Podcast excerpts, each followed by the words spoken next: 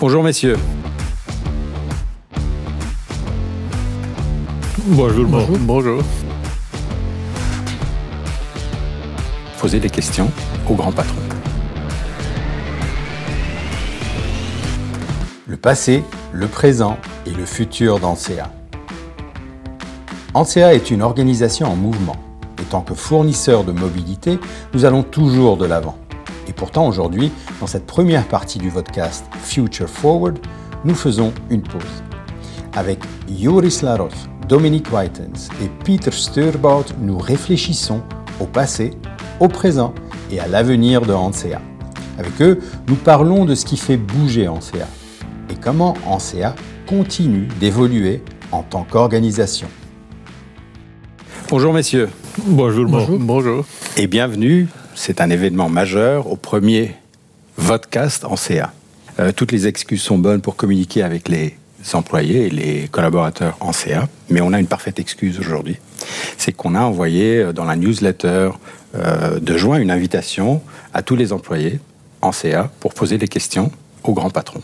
Hein, au, au, patron. Et donc aujourd'hui, ah. on tâchera de répondre à, de façon claire et concise à ces questions. Ok?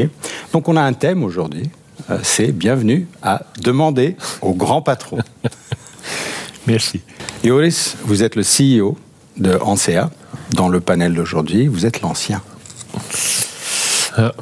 Vous avez rejoint le groupe quand exactement Tu m'appelles ancien, mais euh, je me sens encore très jeune. Bravo. Bon, euh, je fais partie du groupe depuis 2013 mm -hmm. et en 2019, euh, je suis devenu le CEO du groupe. Oui. Mm -hmm. Ça va vite. Oui. Ça va très très vite, on le sait, on le sait.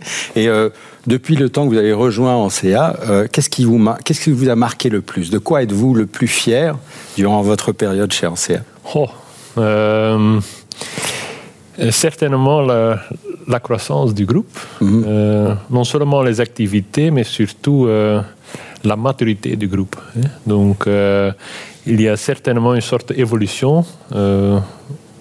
Euh, je suis très fier de, de ces ré réalisations. Mais ça me fascine tous les jours que, que, nous sommes, que nous sommes prêts chaque jour. Mm -hmm. Chaque jour, nos bus roulent. Prêts à servir. Oh, ils sont prêts à servir, tout le monde est prêt. Et ça, ça semble simple, euh, mais c'est assez compliqué. -hmm. Et donc, je suis toujours euh, très fier euh, que chaque jour nos bus roulent et que nos collègues sont là pour nous aider. Donc, mm. oui. Vous êtes vous êtes vraiment euh, impressionné par cette prouesse technique, faire de sorte que vous soyez là tous les jours à servir euh, toutes ces personnes-là. Je crois que c'est quelque chose de, sur lequel vous pouvez être très très fier. Euh, vous êtes en très bonne compagnie aussi, hein, vous n'êtes pas venu tout seul, apparemment. Je vous laisse présenter les deux messieurs. Oui. Dans la direction, beaucoup de monde connaissent Mario -hmm. et Bruno qui euh, soutiennent les, les, entreprises, ce qui concerne tous les problèmes techniques ou pour les, les questions du personnel. Euh, mais à ma côté, euh, j'ai Dominique et Peter, euh, qui sont mes deux nouveaux collègues depuis quelques mois. Et Dominique, c'est notre directeur financier, donc le CFO.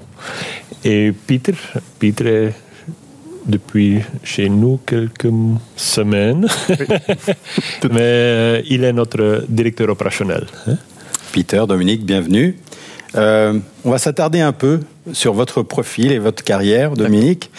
Euh, ça fait déjà plus de 25 ans que vous vous êtes spécialisé en tant que consultant dans des services de management, de finance. Euh, un bagage considérable, hein, une expertise considérable.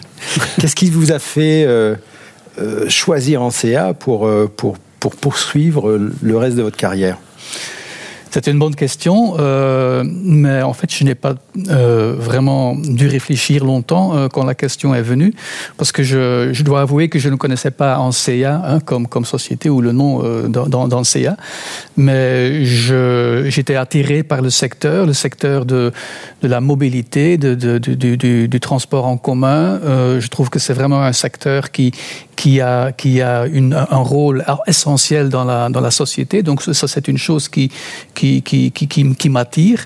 Euh, aussi, c'est un secteur qui est en plein changement. Hein. Il y a le, le, le, le, le verdissement, il y a les, les, changements en termes de, de, de euh, transport euh, sur mesure et, tout ça. Donc je crois que c'est un secteur dans lequel on va pas s'ennuyer. Hein. Donc il y a plein à faire. Et donc euh, voilà, ça, ça, ça m'attire. Donc euh, aussi il y a en CA maintenant que je l'ai, euh, j'ai fait connaissance un peu plus, euh, un peu mieux. J'ai découvert que c'est vraiment une société avec une historique, euh, un historique très riche, très, très fort aussi. Donc euh, maintenant, je suis, je suis vraiment fier mm -hmm. d'en faire partie et, et j'ai vraiment confiance euh, dans, dans, dans, le groupe et euh, dans, dans, dans, les gens. Donc vraiment bien d'être heureux d'être ici. Mmh. Vous me semblez inspiré et prêt pour le défi. Effectivement. très très bien. Peter, ça nous amène chez vous. Alors pour vous, les mots-clés, c'est euh, le planning, la précision, l'efficacité, euh, la logistique. Hein. Vous êtes euh, un expert dans cette matière-là. Mais c'est vrai que votre carrière précédente s'est déroulée, si je peux dire, à un niveau supérieur. Correct?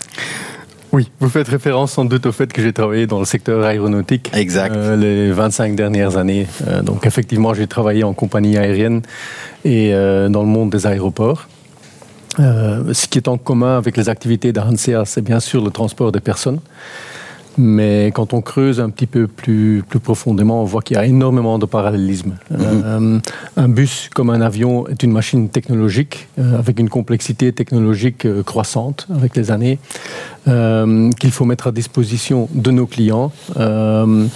Et le, le personnel, euh, les, les moyens humains euh, doivent être planifiés. Euh, il faut planifier les, les personnes qui vont conduire le bus pour satisfaire aux besoins de nos clients mmh. et pour répondre à la ponctualité qui est demandée par nos clients. Mmh.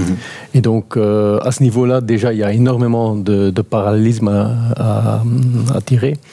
Euh, mais c'est aussi un secteur qui, euh, qui a besoin de beaucoup de planification stratégique. Mm -hmm. euh, on parle quand même d'investissement important. Euh, et donc euh, là aussi, euh, je pense qu'au niveau d'ANCA, il y a un défi euh, très important dans les années à venir. Mm -hmm. Et c'est ce qui m'a poussé aussi euh, à rejoindre ANCA et, euh, et à, euh, à vous joindre dans cette magnifique aventure qu'est qu ANCA. Oui. Oui, énormément de points communs, hein, des thèmes communs, l'écologie, euh, la technologie, le facteur humain et la sécurité.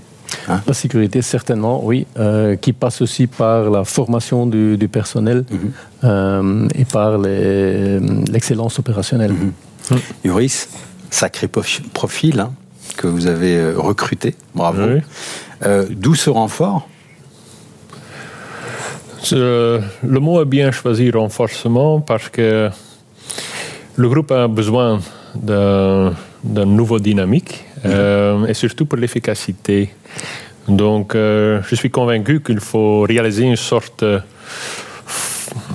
renforcement de notre groupe euh, par utiliser nos forces humaines -hmm. et surtout d'utiliser notre, notre, réseau. -hmm. Et pourquoi est-ce que c'est si important Premièrement, nous avons en effet trois défis qui sont avant nous.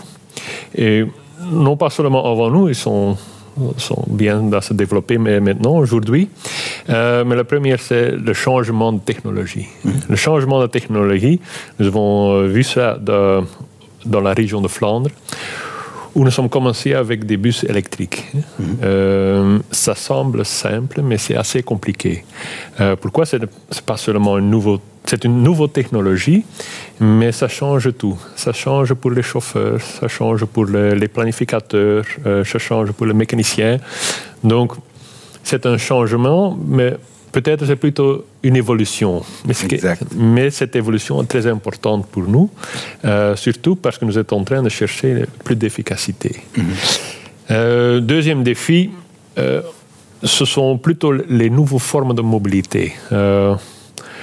On connaît tous les, les, les scooters, euh, mais ça devient de plus en plus compliqué. Hein. Euh, nous sommes des spécialistes pour les bus, euh, mais il y a des autres formes de mobilité qui, qui sont importants, qui, qui ont un impact sur nos activités.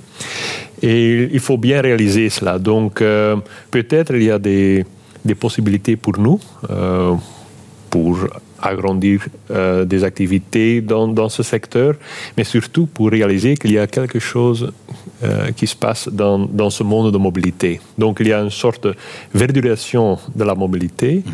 mais aussi une sorte de rechangement de ce monde de mobilité.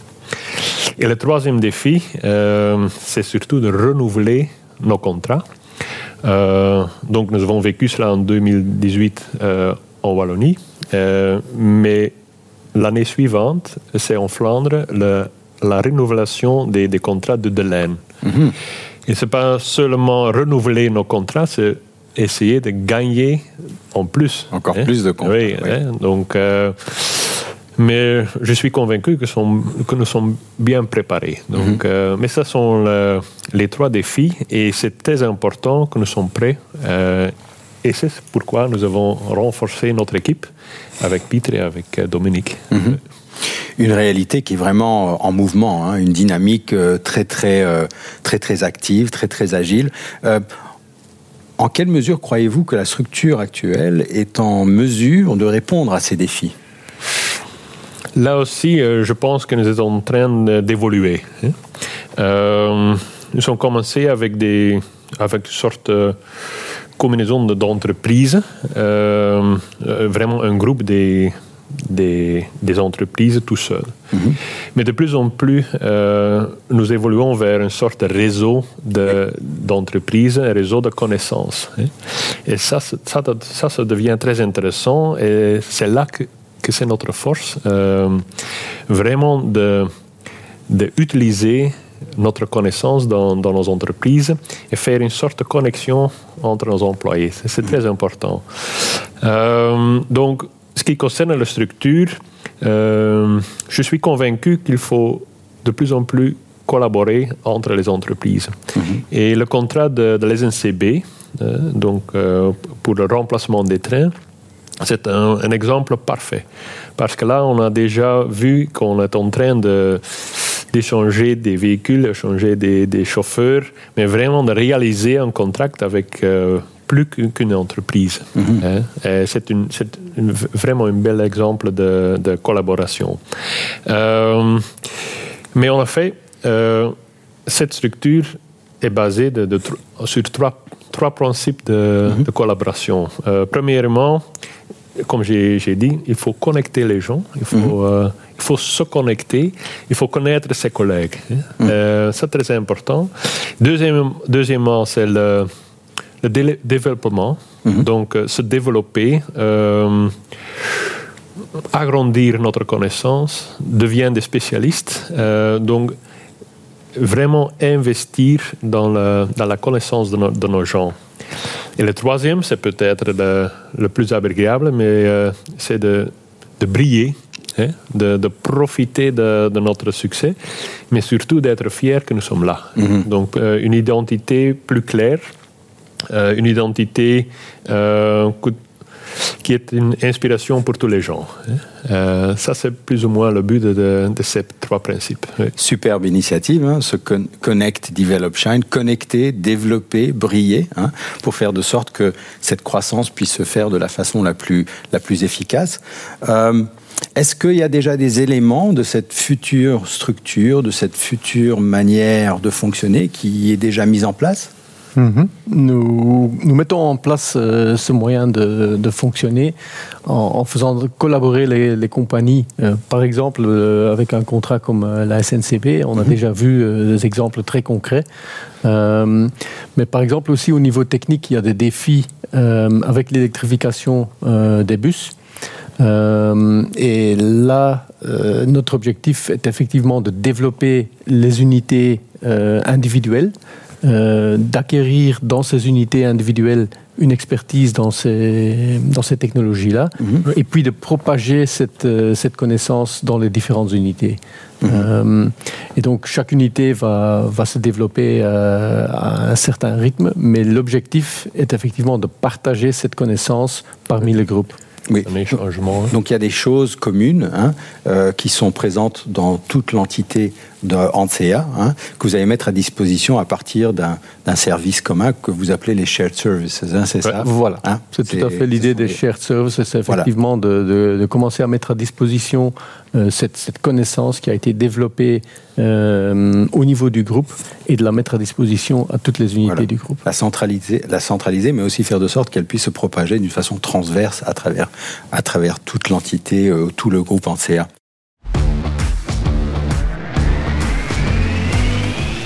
Un réseau d'entreprises organisé, connecté et pertinent. C'est là que se trouve l'avenir de Hansea.